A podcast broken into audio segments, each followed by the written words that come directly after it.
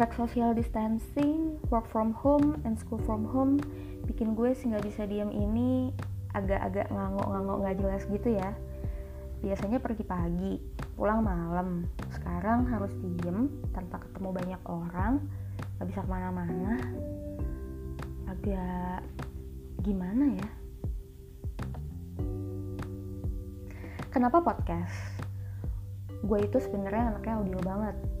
Jadi dulu ketika orang-orang gila banget sama yang namanya Sega, DVD, gue tuh malah lebih seneng ngedengerin Walkman. Gue lebih seneng beraktivitas dengan ngedengerin audionya aja gitu.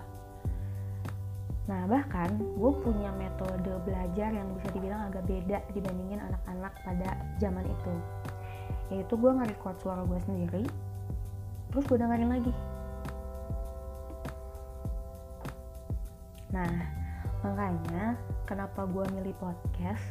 Gue milih media yang berbasis audio di mana gue bisa ngobrol-ngobrol bareng kalian berbagi cerita berbagi informasi.